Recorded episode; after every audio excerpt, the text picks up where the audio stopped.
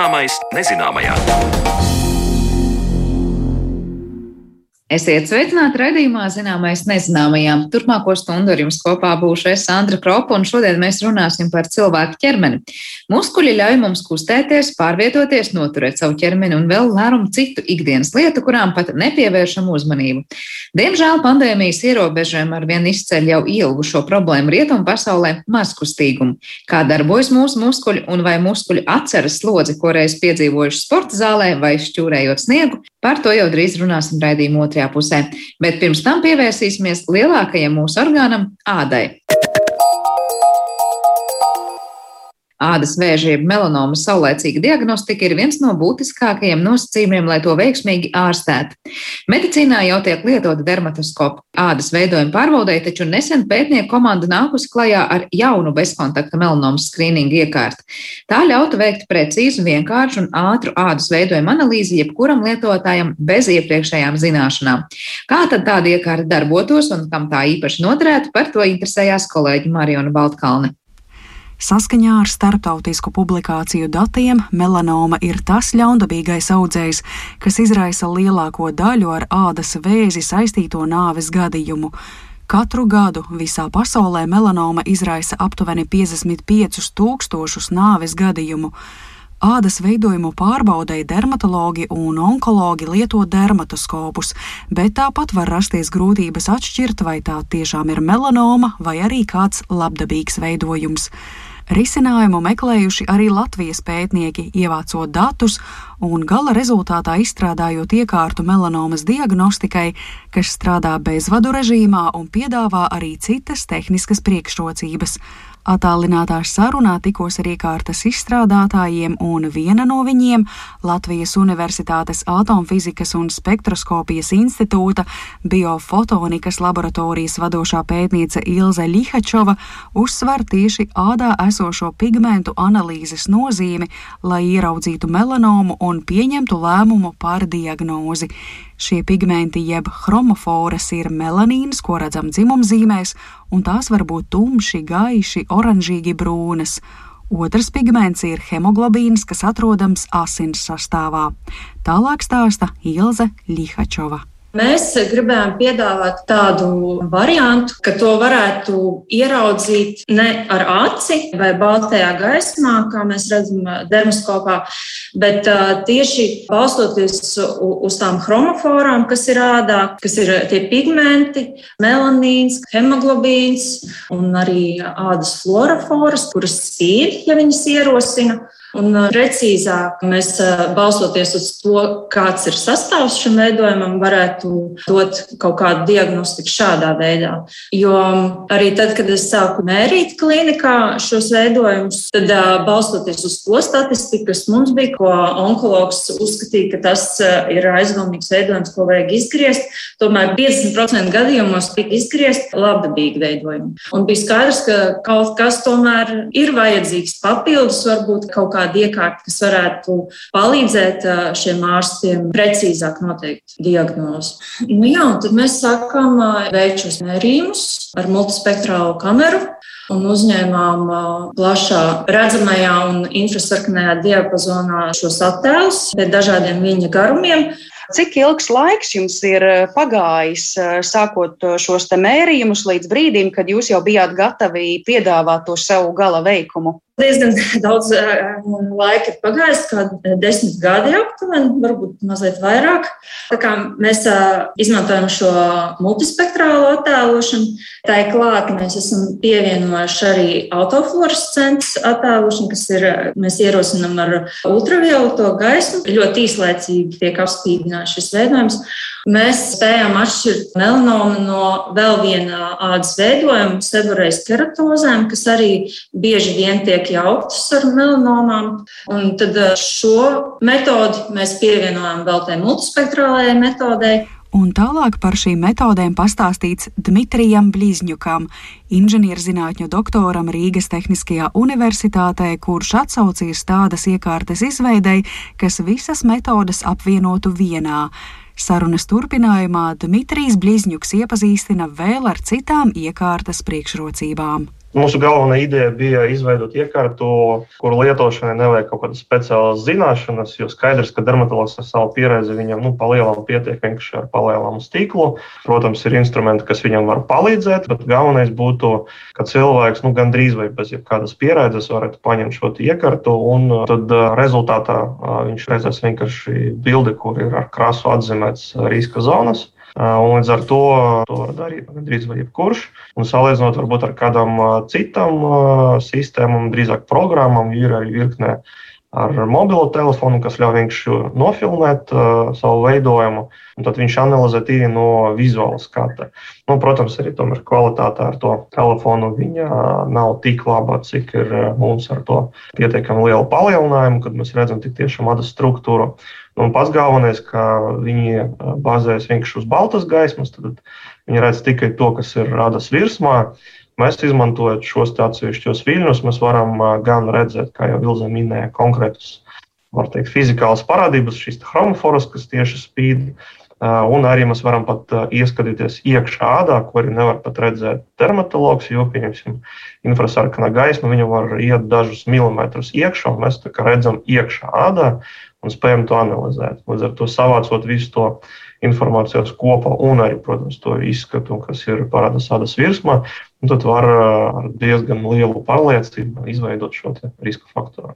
Un kā ir ar, piemēram, laiku, kas tiek patērēts, lai nolasītu informāciju par kādu veidojumu? Arī tur ir kādas priekšrocības salīdzinājumā ar to, ko dermatologi jau līdz šim ir lietojuši? Drīzāk ir jāskatās uz to laiku, kas ir nepieciešams, lai sagatavoties, atrastu vietu, tur pielikt klātu iekārtu. Pats mērīšanas laiks ir diezgan mazs. Šobrīd viņš ir nu, nedaudz pāri desmit sekundēm, bet tas arī tikai dēļ tā, ka mēs gribam savākt arī papildus informāciju šai ultravioletai gaismai, lai redzētu, kā āda pat pa sevi fluorescē. Bet pati uzņemšana ir ļoti īsa analīze.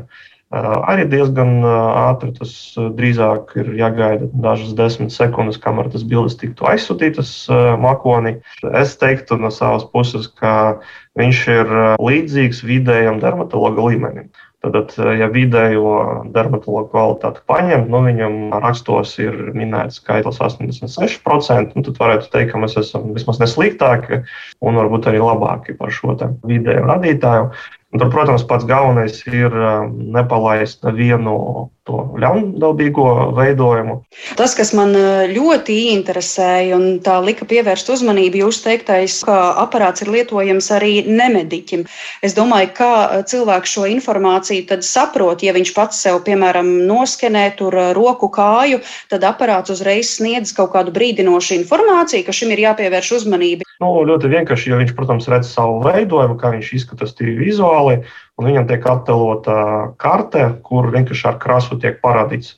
Protams, viņš redz, kur ir veidojums. Ja veidojums viņš tur arī ar krāsu tiek atzīmēts, ja krāsa ir oranžīga un sarkana, nu, tad pastāv šīs riska faktors. Pats sistēma ir domāta gan vienkārši medmāsām, gan mēs uzskatām arī, ka cilvēks varētu noskanēt sev visu ģimeni. Melanomas skrīninga iekārtu šobrīd piedāvā jaunu uzņēmums B-Detect.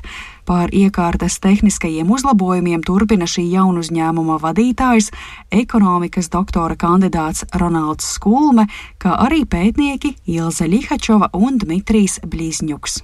Par tām laika priekšrocībām es vēlos pieminēt, ka, jā, ka bieži vien dermatologi piemēram, izmantoja citas ierīces, veids bildes uzņēmumu un aizsūta saviem kolēģiem, lai iegūtu vēl papildus apstiprinājumu par šo veidojumu ādas.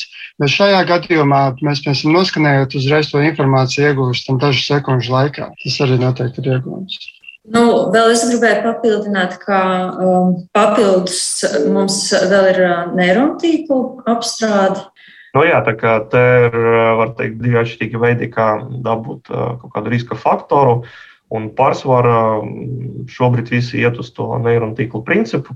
Tas ir mākslīgais neironu tīkls, kurš viņš pats spēj saprast no bildes īpašas pazīmes, kuras secina, ka šis veidojums ir ļaundabīgs vai tur var pat klasificēt, kas tas ir. Faktiski to arī dara cilvēks, skatoties. Viņš, piemēram, redz, ka tur malas ir neviendabīgas, ka tur ir krāsu atšķirības. Viņš to iemācīja viņam tur vairāku gadu laika speciālistam. Šeit tīkls, nu, relatīvi īsā laika, viņš spēja tas pazīmes sev iekšā ielikt un izdot šo diagnozi vai riska faktoru. Protams, tur ir priekšrocības, jo tik tiešām var atrast tas saistības, kuras pat dermatologiem nav zināmas un tik tiešām dabūt labu kvalitāti. Bet ir viena diezgan svarīga problēma, it īpaši saistīta ar medicīnu. Skaidrs, ka nu, var būt kļūda un, un kaut kādā momentā viņa būs, tad šīs neironu tīklu sistēmas mēs nevaram no viņas uzzināt, kāpēc viņš pieņem šādu lēmumu. Tas ir vienkārši tāda melna kaste, kura vienkārši pasaka mums kaut ko priekšu, un mēs varam ticēt vai neticēt. Mēs to sev arī ielikam, jo viņš papildina mūsu esošu sistēmu.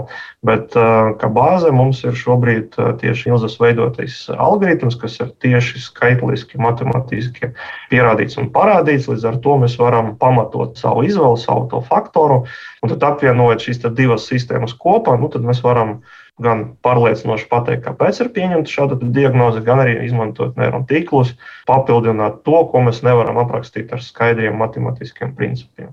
Es no tāda praktiskā viedokļa domāju, kā tas tagad dzīvē sanāk. Man ir tātad šis te aparāts, ko es varu turēt rokās. Droši vien tur aparātā man ir kaut kāds savs e-pasts jāievada, ja, lai es pēc tam tās bildes mākonī dabūtu, un klāt tad nāk šī te krāsu skala, ko jūs minējāt, pēc kuras tad var vadīties, ja, cik bīstams ir tas tas veidojums. Pareizi es aptuveni aprakstu to procesu. Jā, nu ar vienīgu piezīmi, ka, protams, pieeja ir tikai ārstam. Šobrīd mēs mērķam tieši uz ģimenes ārstiem. Nu, kaut kāds ārsts, kuram tiek iedot konts, un tad viņš var piekļūt savu pacientu bildēm. Nu, protams, ja tas pārvērtīsies par sistēmu, ko lietu parastie cilvēki, nu, tad kaut kāda cita veida, bet, nu, protams, tā kā galvenā ideja, ka iekārta aizsūta bildes mākoni, un tad mēs varam no jebkuras vietas apskatīt to rezultātu. Šajā procesā, līdz jums iekārta tapa gatava, cik daudz to testējāt, cik cilvēki piedalījās um, pētījumā, pārbaudēs? Pētījumiem, protams, iet, un viņi arī bija, es domāju, ka pat pirms eh, desmit gadiem konkrēti šī iekārta, šī sistēma, viņa tapā sākot no 17. gada, kad sākām veidot tieši šo prototipu. Pēc neilga laikā mēs eh, sākām vākt bildes. Mums šo momentu ir pāri pat 3000 eh, veidojumu analizēti. Pacientu skaits ir vairāki simti. Un tad darbs iet paralēli. Nu, vismaz divos punktos pats aktīvākais ir mūsu Ungārijas kolēģi, kuriem ir diezgan liela pacientu plūsma. Tad eh, līdz pandēmijas laikiem bija veikta pētījuma arī Latvijas onkoloģijas klinikā kopā ar mūsu kolēģiem, dermato-onkologiem. Šobrīd mēs izmantojam šo iekārtu ar teikt, parastiem ārstiem, tad viņi izmanto to iekārtu no, tieši kā mēs to arī plānojam, ka ģimenes ārsti viņš paņem to un testu un skatās, kas viņam patīk un nepatīk, un uz viņu atsauksmēm bazējas tagad mums arī otrā versija, kurā nedaudz uzlabos to lietotāja darba efektivitāti. Melanomas skrīninga iekārta prezentēta arī Baltijas biznesa tehnoloģiju izstādē Riga.com. Plašāku informāciju par iekārtu var iegūt, apmeklējot jaunu uzņēmuma mājaslapu www.bidetect.com. Par nepieciešamību regulāri pārbaudīt savu veselību sarunas noslēgumā atgādina Dmitrijs Blizņuks. Tiešām melanoma un arī cita vēža tas ir tāds ļaundabīgais veidojums, kas nesāp, un diemžēl cilvēki pa to pamana novēloti. Tieši mūsu vīzija un mērķis ir pēc iespējas ātrāk atrast šo melanomu, pateikt, ka cilvēkam ir jāiet pie dermatologa, lai pēc iespējas ātrāk šis veidojums būtu analizēts, un tad viņš no, ar daudz mazākām arī fiziskām sāpēm būtu izņemts. Tikko tas nonāk novēlēta fāze, viņš ieaug ādā, nonāk līdz asinsvadiem, un tad gandrīz vai neko vairs nevar darīt. Tā kā pārbaudiet sevi vismaz reizes gadā, it īpaši tie, kam patīk sauļoties, kam patīk solārijas, un it īpaši tiem, kam ir baltā vairāk baltā āda. Jā, nu, arī vēl viens papildus mērķis eh, šai iekārtai būtu uzlabot efektivitāti tieši starp eh, ģimenes ārstiem un dermatologiem, jo šobrīd eh, dermatologi no savas puses sūdzās, ka viņam ir diezgan liela plūsma ar pacientiem, kuriem acīm redzami nav problēma, un iekārta varētu mazināt šo plūsmu. Jo ģimenes ārsts, ja pie viņa atnāk pacients, viņam nu, vienkārši nav to zināšanu, lai pateiktu, ka jums viss ir kārtībā. Nu, vienkārši pēc gada varam pārbaudīt vēlreiz. Un viņš vienkārši sūta pie dermatologa, nu, kas veido šo lielu plūsmu. Un otrādi, tad uh, cilvēkam pašam pat negribas kaut ko pārbaudīt. Ja ģimenes ārsts to piedāvātu, tad uh, varētu atklāt uh, šo situāciju, un cilvēks aizietu, un tiešām tā plūsma pie dermatologa būtu efektīvāka. Par multispektrālu bezkontakta melanomas skrīningu iekārtu stāstīja jaunu uzņēmuma Bidetekta vadītājs ekonomikas zinātņu doktora kandidāts Ronalds Skulme, inženierzinātņu doktors Rīgas Tehniskajā universitātē Dmitrijs Blizņuks, kā arī Latvijas Universitātes Atomfizikas un spektroskopijas institūta biofotonikas laboratorijas vadošā pētniece Ilza Lihačova. Ar viņiem attālināti sarunājās Mariona Baltkalna, bet raidījuma turpinājumā pievēršamies muskuļiem, kuri veic nenovērtējumu darbu cilvēku organismā.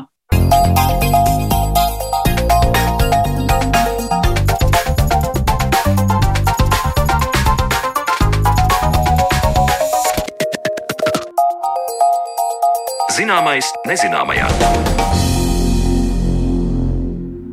Muskuļi cilvēka ķermenī ikdienas veids darbu, kuru mēs nereti uztveram par pašsaprotamu. Kā darbojas muskuļi mūsu ķermenī un kā mēs ar savu dzīvesveidu varam veicināt vai apgrūtināt to darbu. Par to mēs šodien vairāk runāsim ar mūsu studijas viesņu, Latvijas Universitātes asociēto profesoru un maģistrantūras pro programmas sporta zinātņu direktoru Līgu Plakanu. Labdien!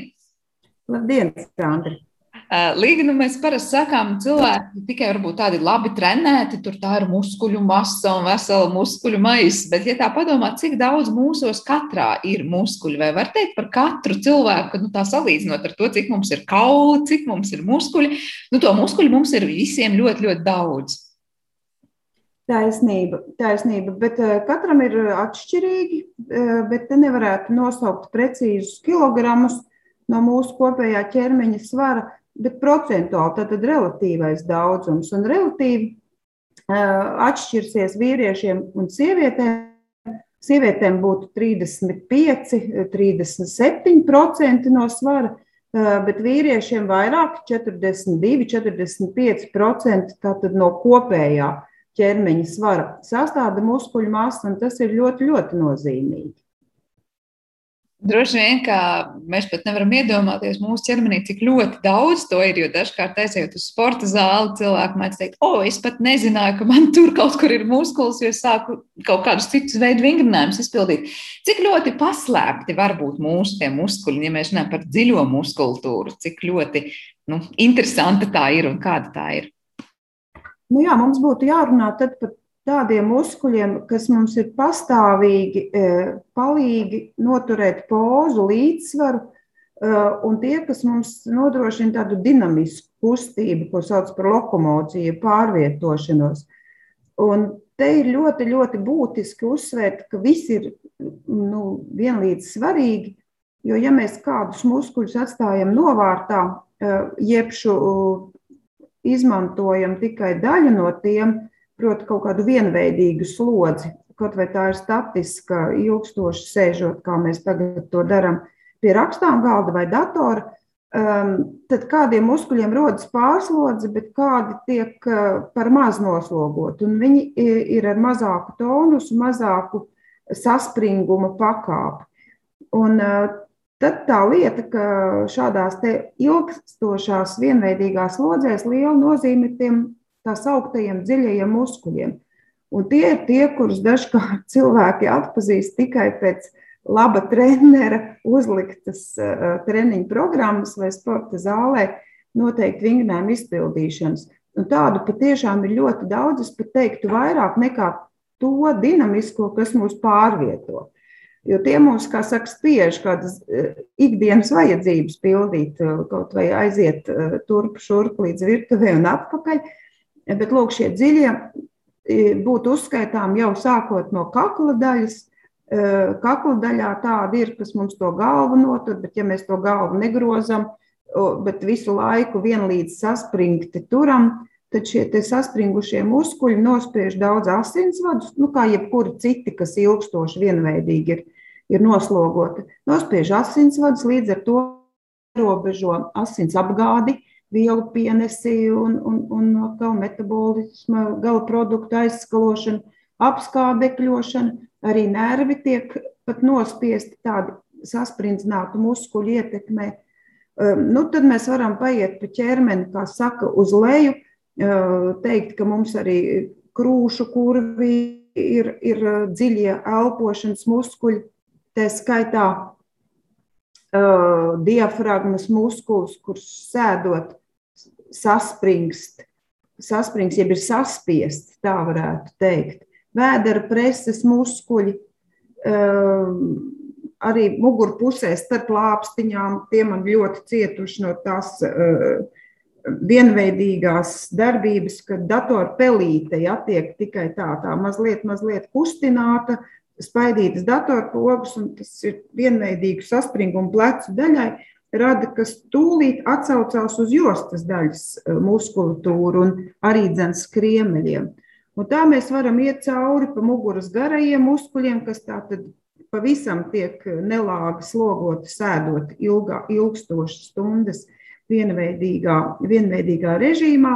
Un kājās mēs atkal varam eh, tos uzsvērt dziļos muskuļus, kas eh, mūs notur stāvus, ja nepārvietojoties, ir tādi muskuļi, eh, kas tieši to līdzsvaru mums nodrošina. Tātad tie ir ļoti būtiski jātrenē, jo tie tērē daudz enerģijas, pastāvīgi enerģijas, vairāk kā teiksim, tie dinamiskie, ja mēs ja mēs esam statiskā, vienmērīgā slodzē, un tie ļoti bieži netrenēti mūs pieviļ arī tajās dinamiskajās slodzēs, radot kādas traumas vai pārslodzes, sāpes un tā tālāk. Es iedomājos tagad par to nostāvēšanu taisni. Ja? Nu, tur patiesībā ir dziļā muskultūra, kas mūs tur taisna. Tad, kad ir nu, grūti nostāvēt, un mēs pret kaut ko balstamies vai kaut kur apsēžamies, tas nozīmē, ka mums vienkārši ir slikti uztrenēts tajā brīdī tas dziļais muskultūras slānis. Nu jā, vāj, vājš nepietiekami, nepietiekami nodarbināts.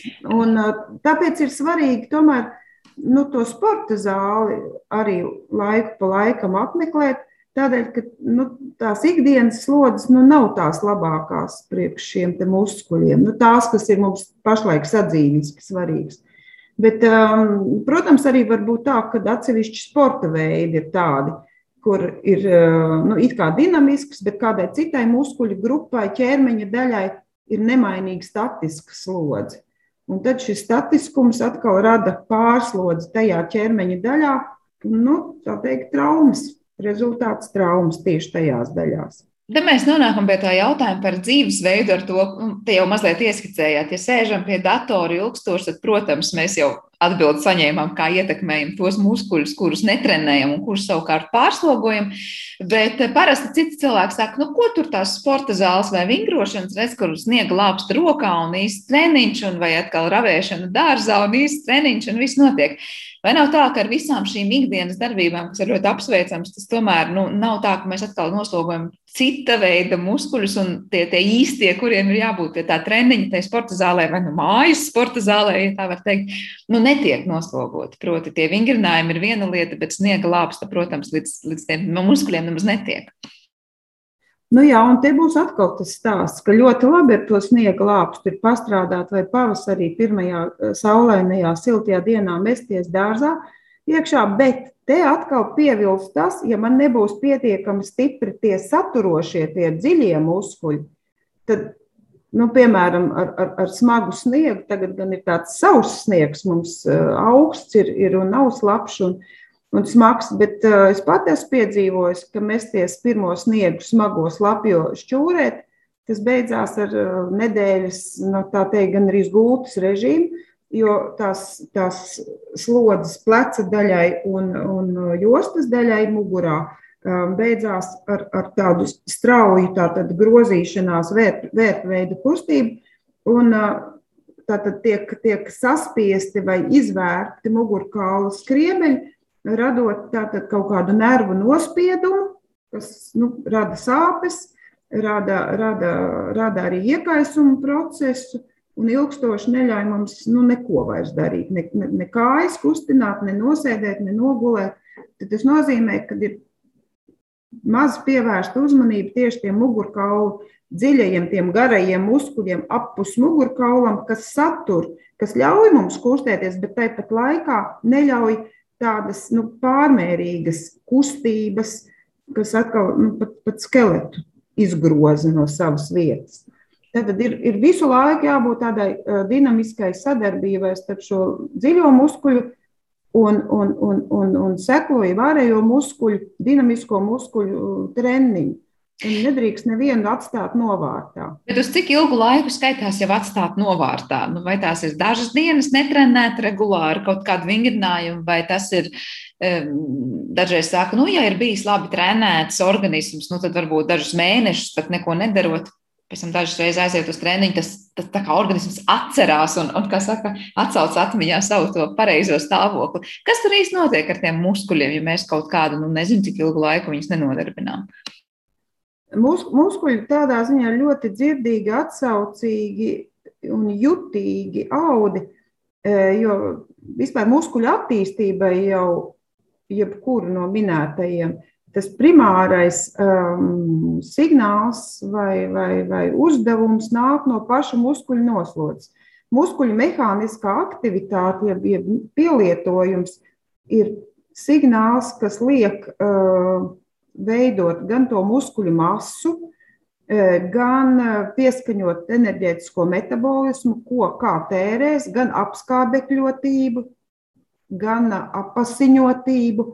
Eh, gan efektīvāku nervu sistēmas vadību uz muskuļiem. Tātad tas, tas, kas nosaka to vajadzību, ir pats muskulis. Un muskuļi tā tad noslodz, kā es viņu lietoju, kāds ir slodzes veids, cik spēcīga slodze vai ātruma slodze vai, vai izturības uh, slodze. Tad tieši pielietojuma veids ir tas, kas nosaka tā muskuļa attīstību vai es varēšu vairāk malku skaldīt, vai es varēšu vairāk, kā saka, slēpot eh, vai peldēt. Tad ļoti, ļoti specifiska tā attīstība. Un, eh, teiksim, dinamiskie muskuļi eh, ilgāk paliks formā pie tādas pārtrauktas viņu lietošanas. Bet cik tas, lai te, teiksim, pie salīdzinājuma būtu tāda nu, imobilizācija, proti, ir trauma, nu, tu nedrīkst kādu laiku uztētināt tos muskuļus. Tev jābūt ir mazliet eh, piesardzīgākam vai ierobežotākam kustībās. Un tad eh, tieši nelietošana muskuļu eh, ļoti strauji samazina muskuļu masu, tieši obaltumvielu noādīšanās notiek. Un, lai cik tas savādi nebūtu, tieši šie lēnie muskuļi ir pirmie, kuru masa samazinās. Un, ja jūs jautājāt par laiku, cik ātri jau šādas izmaiņas, te var teikt, ka lēnajos muskuļos, jeb šos dziļos muskuļus, stabilizējošos muskuļus, šīs negatīvās izmaiņas skar jau pirmās nedēļas dīkstāves, jeb imobilizācijas laikā. Jau sāk samazināties tieši lēno muskuļu. Ātrie vēl ilgāk, kā saka, pretojās šai, šai samazināšanai, bet lēnie pirmie sāk samazināties. Un tad nu, tā atjaunošanās, nu, atkal, cik ātri atjaunosies muskuļu funkcionalitāte, protams, atkarīgs no tās dīkstāves ilguma, jeb nelietošanas ilguma. Un, un, protams, jo ilgāk ir nelietoti, jo vajadzēs ilgāku laiku, lai atjaunotos. Bet labā ziņa ir tā, ja tie muskuļi ir pirms tam bijuši lietoti, proti, trenēti, tas atjaunošanās laiks ir īsāks nekā kad, nu, teikt, pirmreizīga trenēšana vai attīstīšana. Tāda tā attiecība formula iznāk. Tas ir kā ir laba ziņa. Bet, protams, jo ilgāk nekustās, jo, jo grūtāk, pakāpeniskāk, ilgāk ir nepieciešams viņus atkal nu, sagatavot. Tā. Tā, tā ir labā ziņa visiem, kas varbūt domā, nu, vajadzētu atsākt vingrot vai iet uz sporta zāli. Tad savukārt pietiek ar dažām reizēm, ka tu jau krietni jūties labāk un ar kaut kādu progresu, nekā, ja neko neizdarīs. Bet jūs te minējāt to skriešanu vai peldēšanu un daudz ko citu. Es tā iedomājos, nu, vai mēs tomēr piedzimstam ar kaut kādu nu, teiksim, tā noslēdz, ka mūsu muskuļi būs piemēroti, piemēram, maratona skriešanai vai peldēšanai. Vai tas ir tas, ko mēs dzīves laikā uztrenējam? Un tad, ja nu reiz esi sācis savulaik trenēties skriešanā vai peldēšanā, tad arī tie muskuļi kļūst pielāgoti. Nu jā, redz, te ir tās, tas stāsts, ko, ko jautājums jau ietvēra atbildi, proti, ka visas muskuļu šūnas jau nav vienādas, mums ir dažādas un daudzveidīgas. Tātad muskuļu šķiedras ir, nu, mēs sakam, fenotipiski atšķirīgas, un tur ir trīs pamattipi. Un tā atšķirība galvenokārt ir pēc vielu maiņas, kuru piekopja, izmanto katru no šiem trim dažādo muskuļu šūnu variācijām. Bet katrā muskulī ir pārstāvētas visas Jautājums tikai par proporcijām. Un tad mēs tā vienkāršot sakam, ir ātrie muskuļi un lēnie muskuļi, kā es jau arī atsaucos. Un tad uh, atšķirība ir tā, ka tie lēnie uh, piekopja tādu metabolismu, kas uh, varbūt neražo tik daudz enerģiju, tad, tad viņas neizmanto tad, kad man vajag ar spēku un ātrumu kaut ko sasniegt, bet šo fonu, fonu pastāvīgo fonu noturēt, ikdienas vajadzības. Un tad tas pieplusojums nāk no tām jaudīgajām šķiedrām, kuras tad izmanto tādus, tādus enerģētiskos substrātus tai enerģijas iegūšanai, muskuļu darbam, kas tātad dod īsā laikā daudz enerģijas. Nu, lūk, un tad jautājums par tām proporcijām. Bet ir muskuļi, kas ir tipiski lēni un tipiski ātri. Vai var mainīt to proporciju, proti, kļūt izturīgāks nu, maratona distancei, vai es varu būt sprinteris vai, vai, vai metējs lecējs, kur vajag tādas eksplozīvas slodzes. Uh, jā, jau ilgus gadus, desmit gadus uzskatīja, ka šīs muskuļu šķiedras, jeb šūnas, var hipertrofēties, var paresnināties, bet skaita ziņā nevar izmaiņas būt. Tad daudzums nevar, nav iespējams palielināt. Un nu, tad vēl pieļāvu, ka bērniņam augot no auga viss attīstās, viss, tad vēl var muskuļu uh, palielināšanās notikt uz šūnu skaita pieaugumu. Uh, bet nobriedušā organismā uzskatīja, ka tas nav iespējams.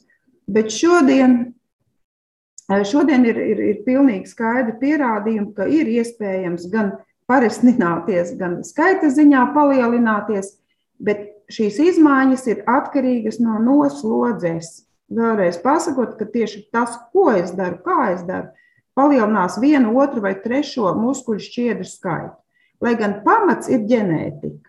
Nu, tad jautājums, vai mēs esam tik ģenētiski atšķirīgi, vai kur, cik lielos procentos tā atšķirība ir tiem, kas kļūst par futbolistiem, vai tiem, kas kļūst par, par, par airētājiem. Nu, zinātne ir vienojusies, ka ģenētika ir 10%.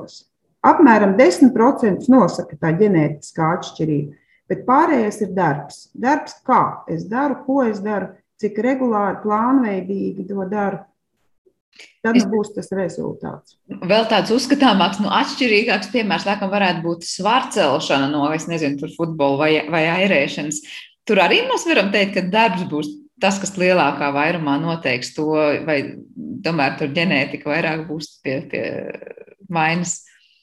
Nu, lai paliek vēl joprojām tie 10%, bet lūk, tā svarcēlājam, tā muskuļu masas audzēšana ir īpašs treniņu pasākums, kur atkal kāds ir tas slodzes veids ar lieliem svariem, atkārtojumiem, ja, panākt to tieši muskuļu augšanas efektu. Bet, ja mēs paskatāmies, teiksim, pretstatā kādu skrejēju, tad skrejēju e, muskuļi arī ir ļoti atšķirīgi. Vai tas ir gargabalnieks, maratonists vai tas ir sprinteris. Palūkosimies, kāda izskatās tie zēni, tie astoņi, kas e, fināla skrējienā nostājas uz starta līnijas. Viņiem ir ļoti muskuļota ķermeņa augšdaļa. Es pat teiktu, e, nu, krasi atšķirīga lielāka muskuļu masa tieši augšdaļai, pat kā kāju muskuļiem. Kāju muskuļi tiešām var redzēt tādas stiegrainākas, tādas cīpslainākas ir, ir apakšējās ekstremitātes. Bet ķermeņa augšdaļa, ar kuru tad skrienot, nu, tiek virzīts viss ķermenis, uz nav tikai kāju darbs. Lūk, tur, ja salīdzinām, teiksim, nu, 20, 30 vai vairāk gadus atpakaļ, mēs redzam, ka būtiski ir mainījusies tā, tā, tā acīm redzami treniņu nu, nu, metode, palielinot augšanu tieši augš, augšdaļas muskuļiem. Līdzīgi peldētājiem arī. Agrāk peldētājiem nebija torsi tik ļoti muskuļoti, kā mēs redzam šodien. Tātad tie rezultāti tiek sasniegti ar ķermeņa augšdaļas muskuļu masas palielināšanu. Acīm redzami, pieliekot tur īpašu tātad, treniņu metodiku.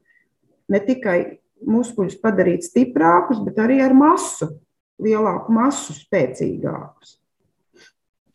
Jā, tas ir pilnīgi vizuāli redzams, kā mainās rezultāti mm. sportā. Tā mainās arī patiesībā sportistu vizuālās aprises. Ja mēs runājam par to, kā sāp muskuļi, nu labi, viena ir lieta, tas, ko katrs iedomātos, tad, kad muskuļu treniņš ir bijis, un pēc tam nākamajā dienā mēs zinām, ja neesam kārtīgi pastiepušies, tad noteikti sāp vairāk muskuļu nekā, ja esam pastiepušies. Uh, divi jautājumi patiesībā. Pirmais, kas īsti ir tā, nezinu, anatomija tam, kāpēc mums tie muskuļi sāp vairāk vai mazāk pēc viena vai cita treniņa. Un savukārt, kas notiek brīžos, kad mēs slimojam ar kaut ko, nu, es nezinu, parasti lauž kaulus un sāp arī muskuļi, ja? tad kas tās ir par muskuļu sāpēm, tad, kad jau mēs runājam par saslimšanām, nu, tur, nezinu, gripu vai kādu citu uh, līdzīgu saslimšanu.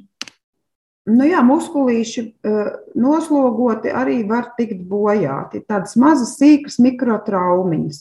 Proteīna struktūras ir, ir, ir, ir, ir, ir plīsušas, vai varbūt pat mazās muskuļu uh, šūnas, jeb šķiedras ir, ir, ir bojātas daļēji vai, vai, vai vairāk. Tātad, kas tad notiek? Bojāta šūna, arī muskuļu šūna, kā jebkura cita šūna, iegrieztas pirkstā, piemēram, izdala daudz dažādas uh, vielas. Nu, mēs viņus tur saucam par uh, citokīniem, neatdalot, ne kas tās ir par šūnām, kas to izdalījuši. Ja par muskuļiem, tad sakam miokīni. Un tur ir vesels garš saraksts ar vielām, ko bojāta šūna izdala. Un, um, tad, tas ir ziņojums par bojājumu. Un šo bojājumu uztver nervgaļi, jušanas nervgaļi visos audos tādi ir, arī muskuļos ļoti bagātīgi. Un tātad tā sāpju sajūta, kas jau ir apzināta, fakta konstatācija, ka tie muskulīši cietuši. Tātad veidojas jau galvas smadzenēs, proti, tādēļ, ka tie nervi to informāciju ir aiznesuši uz, uz uh, smadzenēm. Bet tā tad var arī pārslodzes dēļ, ne tikai tie tiešām tāpēc, ka kritu sasitos vai kāds man tur futbolu spēlējot nejauši iespēja par to muskuli, radot bojājumus, bet arī tiešām pārstiepi, pārslogoti muskuļi eh, var tātad tikt bojāti un radot tiešām iekaisuma procesu līdz ar to muskuļos.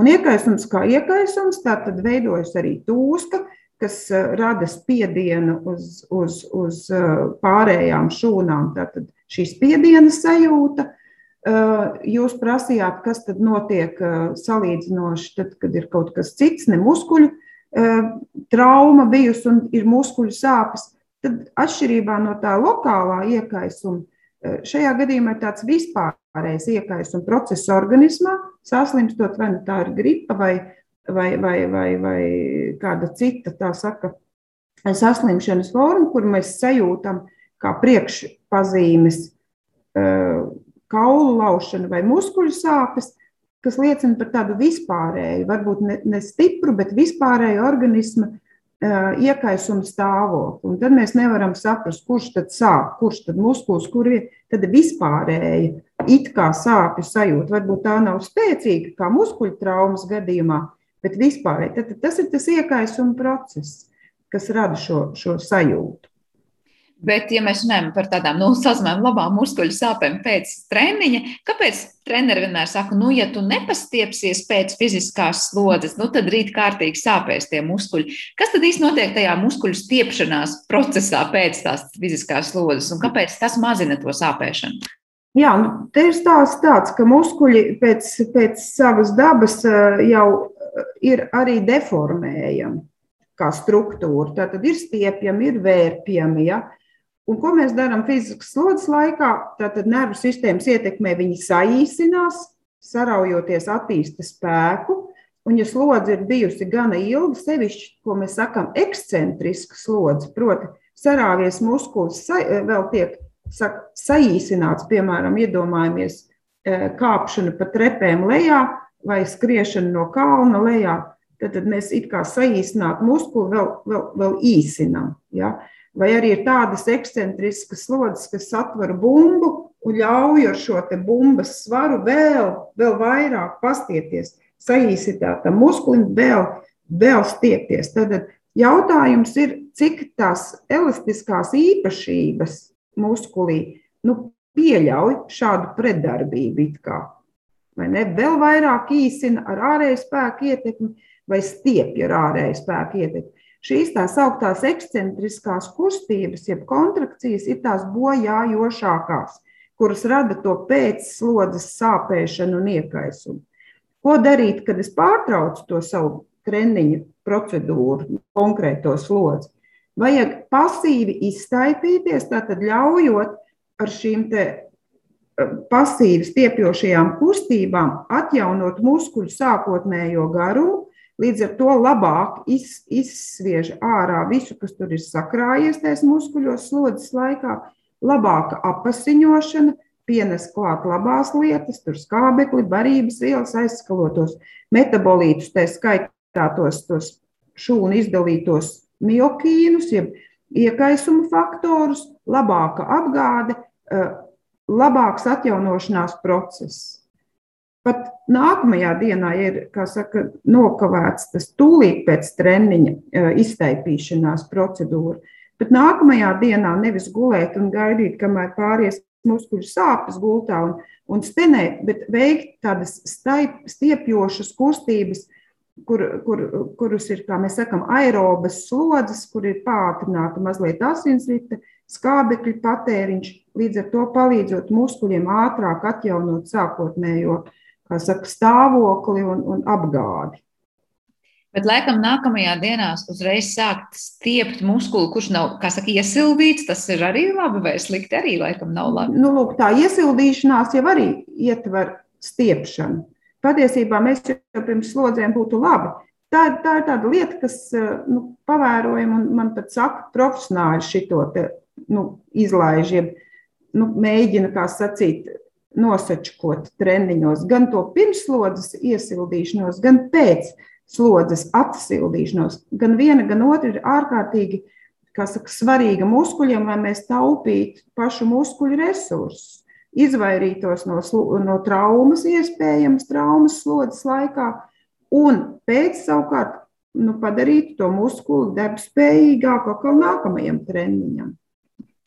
Jā, mēs daudz droši vien varam runāt par to, kas notiek mūsu organismos, tad, kad mēs trenējamies vai netrenējamies, un kā to atbilstoši darām vai nedaram. Bet es vēl gribēju sarunas noslēgumā pavaicāt, cik daudz mums šobrīd ir zināms par vispār šo visu muskuļu nozīmi tādās nu, mūsu veselības uzturēšanā, ja mēs runājam par arī imunitāti. Un es saprotu, ir arī pētījumi par to, kā tur depresijas gadījumā muskuļu, trenētu muskuļu, kas saka, labais pienesums var likt par sevi manīt. Cik daudz ir zināms par tādu muskuļu palīdzību, ne tikai taisni sēdēt un kārtīgi nezinu, pārvietoties, bet būt vienkārši veseliem.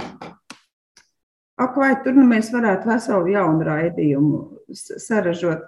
Ļoti, mēs varam pielikt pirmo sēriju vismaz, vai ne? Jā, bet, bet tas ir ārkārtīgi labs jautājums. Tādēļ, ka tieši muskuļi un nodarbināti muskuļi eh, proti paši kļūst labāki stiprāki, izturīgāki un ilgāk dzīvojoši. Jo, eh, kas ir vēl svarīgi pieminēt, ka muskuļi, ja viņi tā teikt, netiek darbināti, eh, masa samazinās. Un sākotnēji teikt, ģenētiski tā muskuļu masa samazināties jau ar 30 gadu vecumu, gana ātri.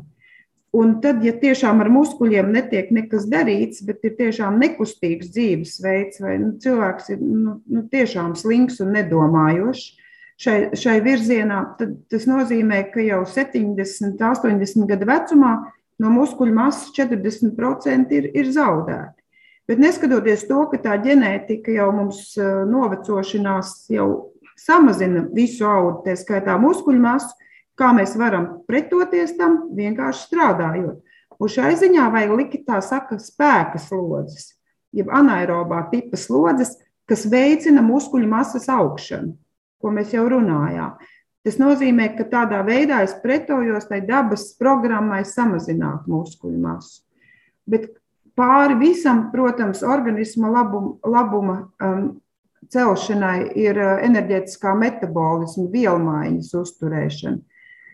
Pirmkārt, tieši muskuļi ir tie, kas vis, elegantāk uh, vada uh, enerģētisko resursu krājumu līdzsvaru, proti, tukšošanos un pildīšanos.